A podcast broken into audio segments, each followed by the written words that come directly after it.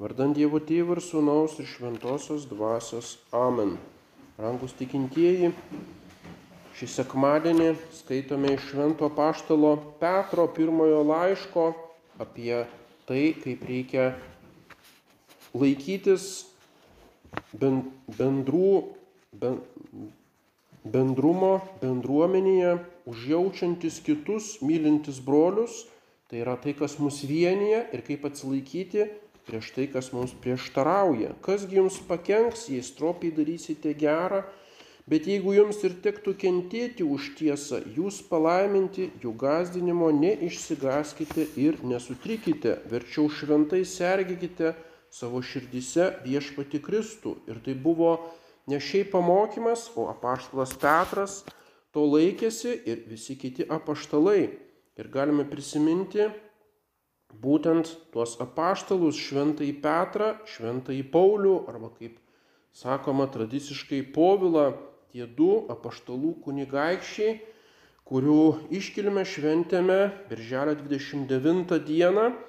Ir tai buvo, tai yra tradicinė kunigų šventimo diena. Ir būtent apaštalai Petras ir Paulius yra pavyzdys naujai išventintiems kunigams, kurie dabar įvairiose šalyse laiko savo primicijas, turime prisiminti juos, iš Lietuvos neturime naujo kunigo, bet būtent turime melstis už brolyjos kunigus, už naujus pašaukimus, už tuos, kurie yra seminarijose, kad jie ištvertų, kad jie taptų gerais kunigais. Tai yra priminimas tos kunigystės, tie visi kunigai, kurie įvairiose koplyčiose ir bažnyčiose laiko savo primicijas, jie primena tikintiesiems, kad tai nėra savaime suprantama, o tai priklauso nuo daugelio žmonių pasiaukojimo, nuo jų pagalbos, kad būtent ta kunigystė išliktų. Ir štai mm, tą dieną per Petrines, birželio 29, aš taip pat švenčiau savo kunigystės 20-metį. Tai buvo proga prisiminti, kiek malonių esu gavęs ir būtent taip pat Švento Petro ir Pauliaus užtarimu. Kodėl Petras ir Paulius kartu švenčiami? Nes buvo didžiausi iš apaštalų, Petras buvo didžiausias savo pašaukimu, savo pirmojo iš apaštalų pareigomis O Paulius savo misijų veikla, kaip pats aktyviausias iš apaštalų tautų arba pagonių, atvertėjęs Jėzų Kristų.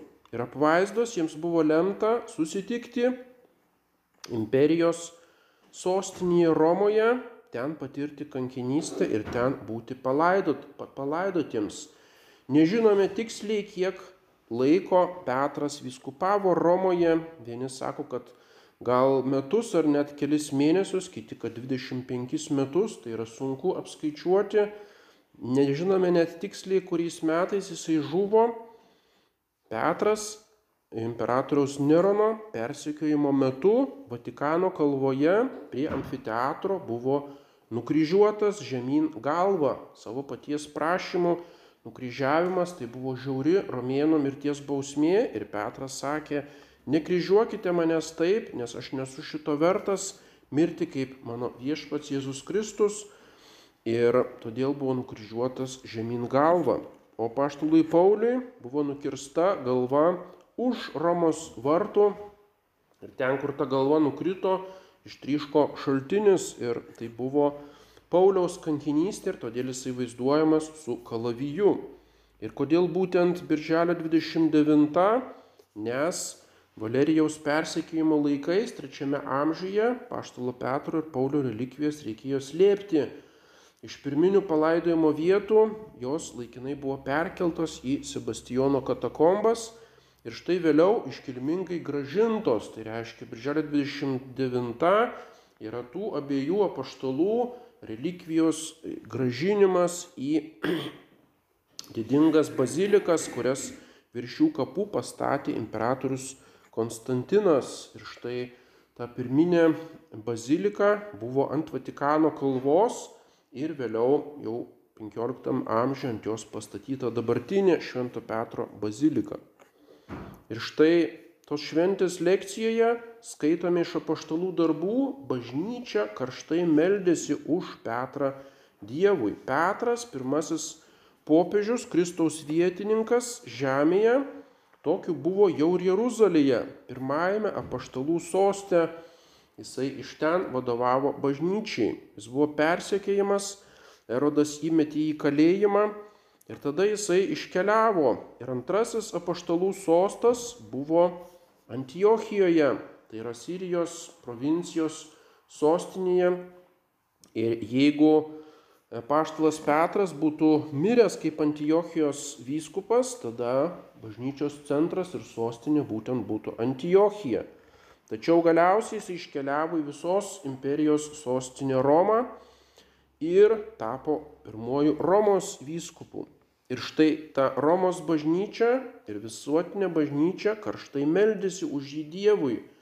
Kodėl bažnyčia turi melstis už popiežių, juk švent viešpats pažadėjo, tai yra jo žodžiai šitos šventės Evangelijoje, tu esi uola, ant, to, ant tos uolos aš pastatysiu bažnyčią, pragaro vartai jos nenugalės.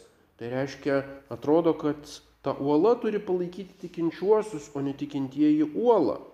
Ir tai yra dogma, kad bažnyčia išliks iki pasaulio pabaigos, kaip regima hierarchinė kunigiška bendruomenė, būtent vadovaujama Petro. Iš viešpatės žodžių galime spręsti, kad būtinai privalo išlikti šitą popiežiaus instituciją. Popiežius kaip asmuo, nepriklausomai nuo to, ar jis silpnas ar stiprus kaip asmenybė, ar jisai, e, kaip jisai laikosi, jis pačia savo tarnystė yra ta uola, ant kurios stovi visas regimas kovojančios bažnyčios rūmas. Ir tai bus iki pasaulio pabaigos. Kai vienas popiežius miršta, prasideda vadinamas sedi vakancijos, sedi vakans, tai yra tuščias sostas, tuščio sosto laikotarpis, tačiau ta sedi vakans, sedis vakancija negali ilgai trukti. Tai prieštarautų esminiai bažnyčios žymiai, būtent, kad tai yra popiežiaus valdoma regima institucija. Bažnyčia be popiežiaus nebebūtų bažnyčia ir todėl skubama kuo greičiau išrinkti naująjį popiežių. Ir štai tai, kad popiežius yra uola, tai nėra kažkas automatiška, kad galėtume tiesiog ramiai sėdėti ir stebėti pavojus, kurie iškyla tam popiežiui ir iškyla bažnyčiai. Gal būtent kaip tokia viena iš sąlygų tam uolos tvirtumui arba nenugalimumui yra mūsų maldos, kad bažnyčia turi karštai melstis už jį Dievui. Nes juk ištvėrimo ir išsilaikymo vienintelė sąlyga yra Dievo malonė. Jeigu Dievas, ko Dievas nepalaiko, tas sugriūva ir išyra. Ir malonė yra pritraukiama tik tai maldos dėka. Tai reiškia, bažnyčia turi nuolatos melstis už popiežių, turi melstis už vyskupus kunigus ir už visą šitą vadovybę bažnyčios, nes kitaip nepritrauks tų malonių, kurios reikalingos jų išlikimui. Petras, kaip pasirodė iš Evangelijos, yra ganėtinai trapi, netvirta uola, jo tikėjimas susviruodavo, kartais dėl to vos nenuskendo, nors buvo ėjęs vandeniu link Jėzaus Kristaus, jam pritrūkdavo drąsos, vilties, darybių, Jis buvo tris kart išsižadėjęs viešpatės, reiškia, ta kančia viešpatės visiškai sunaikino jo viltį, jis nebepasitikėjo viešpačiu. Neužteko tos tų darybių netgi valdymui, e, tos būtinos išminties ir tvirtumo. Ir todėl buvo baramas viešpatės ir vėliau ir Pauliaus, kaip popiežius. Paulius jį sudraudė dėl jo nenuseklumo vertinant žydų apėgas ir taip toliau. Bažnyčios tradicija Šventasis Ambraziejus pasakoja, kad būtent Romoje Petras buvo Nerono pasodintas į kalėjimą. Tenais jisai toliau pamokslavo ir savo sargybinius kareivius procesą ir Martinijoną atvertė ir šie išleido jį. Tada jisai nutarė bėgti Vyja apie keliu, kuris lygi šiol išlikęs, jisai keliavo iš Romos ir tada pamato priešingą kryptimį einantį viešpatį Jėzų Kristų, kuris į jį net nežiūri ir tiesiog eina kaip pakeleivis, eina į Romą. Ir tada Petras klausia, kuo vadys, kur eini viešpati, kaip tu čia dabar atsidūrė ir kodėl eini į Romą.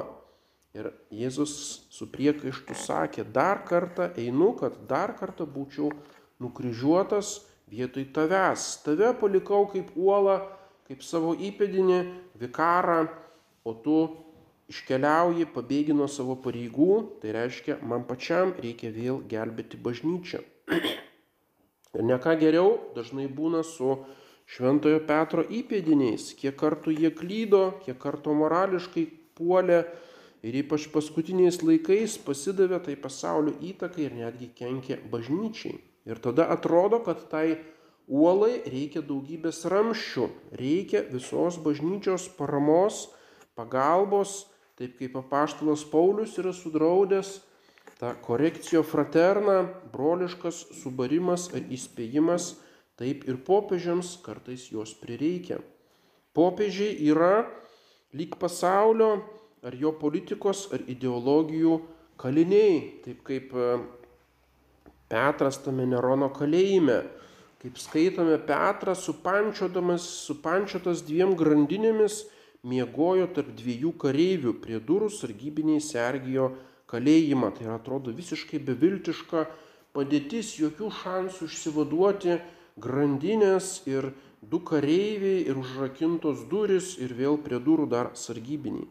Tačiau bažnyčios maldos pasiekė viešpatį, jisai atsiuntė angelą, grandinės nukrito, vartai atsivėrė ir todėl ir šiandieninėje situacija atrodo beviltiškoje, mes turime pasitikėti Dievu, nors jis atrodo, kad šventasis Petras kaip surakintas, kad jis rastų jėgų nutraukti tas grandinės, išpažintų visą nesutrumpintą tikėjimą žiūrėtų tikrųjų amžinųjų bažnyčios interesų. Ir taip pat reikia melstis už vyskupus. Per Petrines, pabrėžiant būtent tą ryšį su Roma, su apaštalu Petru, būtent vyksta šventimai brolijos seminarijose.